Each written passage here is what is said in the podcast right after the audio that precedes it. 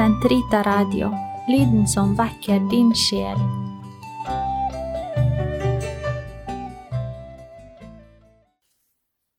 Den katolske kirkes katekisme på ett år.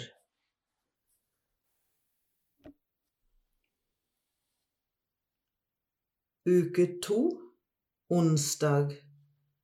Fra annen hoveddel feiringen av det kristne mysterium, paragraf 1073 til 1076.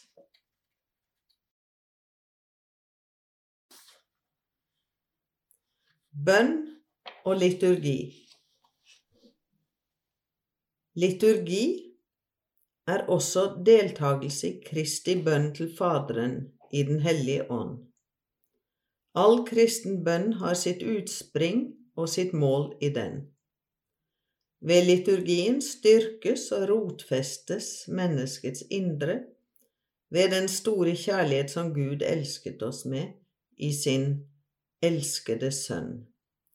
Det er det samme Guds storverk som leves, leves og inderliggjøres ved all bønn til enhver tid som Ånden gir.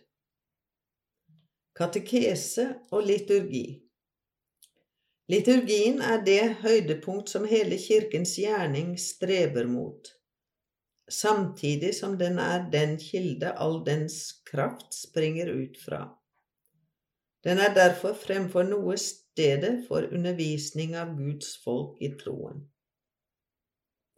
Katekese er uløselig knyttet til all liturgisk og sakramental handling, for det er i sakramentene, fremfor alt i Eukaristien, Kristus Jesus helt og fullt handler for å forvandle menneskene. Liturgisk katekese har til hensikt å føre inn i Kristi mysterium.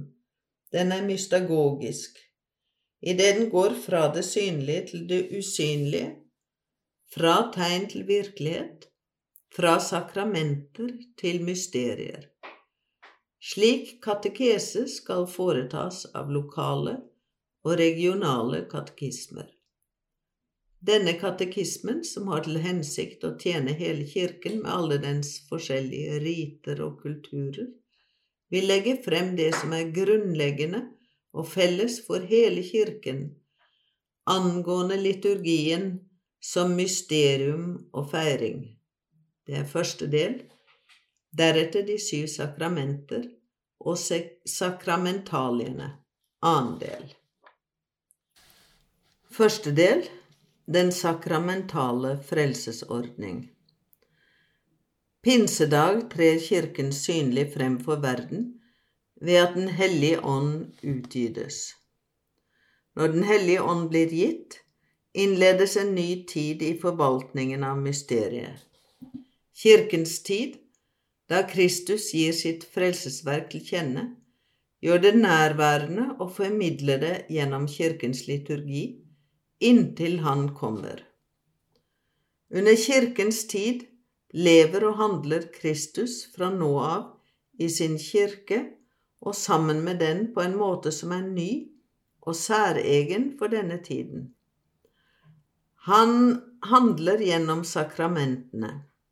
Det er dette som Østens og Vestens felles tradisjon kaller den sakramentale økonomi, den består i at fruktene av Kristi påskemysterium forvaltes dispensatio i feiringen av Kirkens sakramentale liturgi. Av den grunn er det viktig først å belyse denne sakramentale dispensatio, eller forvaltning. Første kapittel. Slik vil det bli mulig å skjelne den liturgiske feirings natur og hovedtrekk klarere.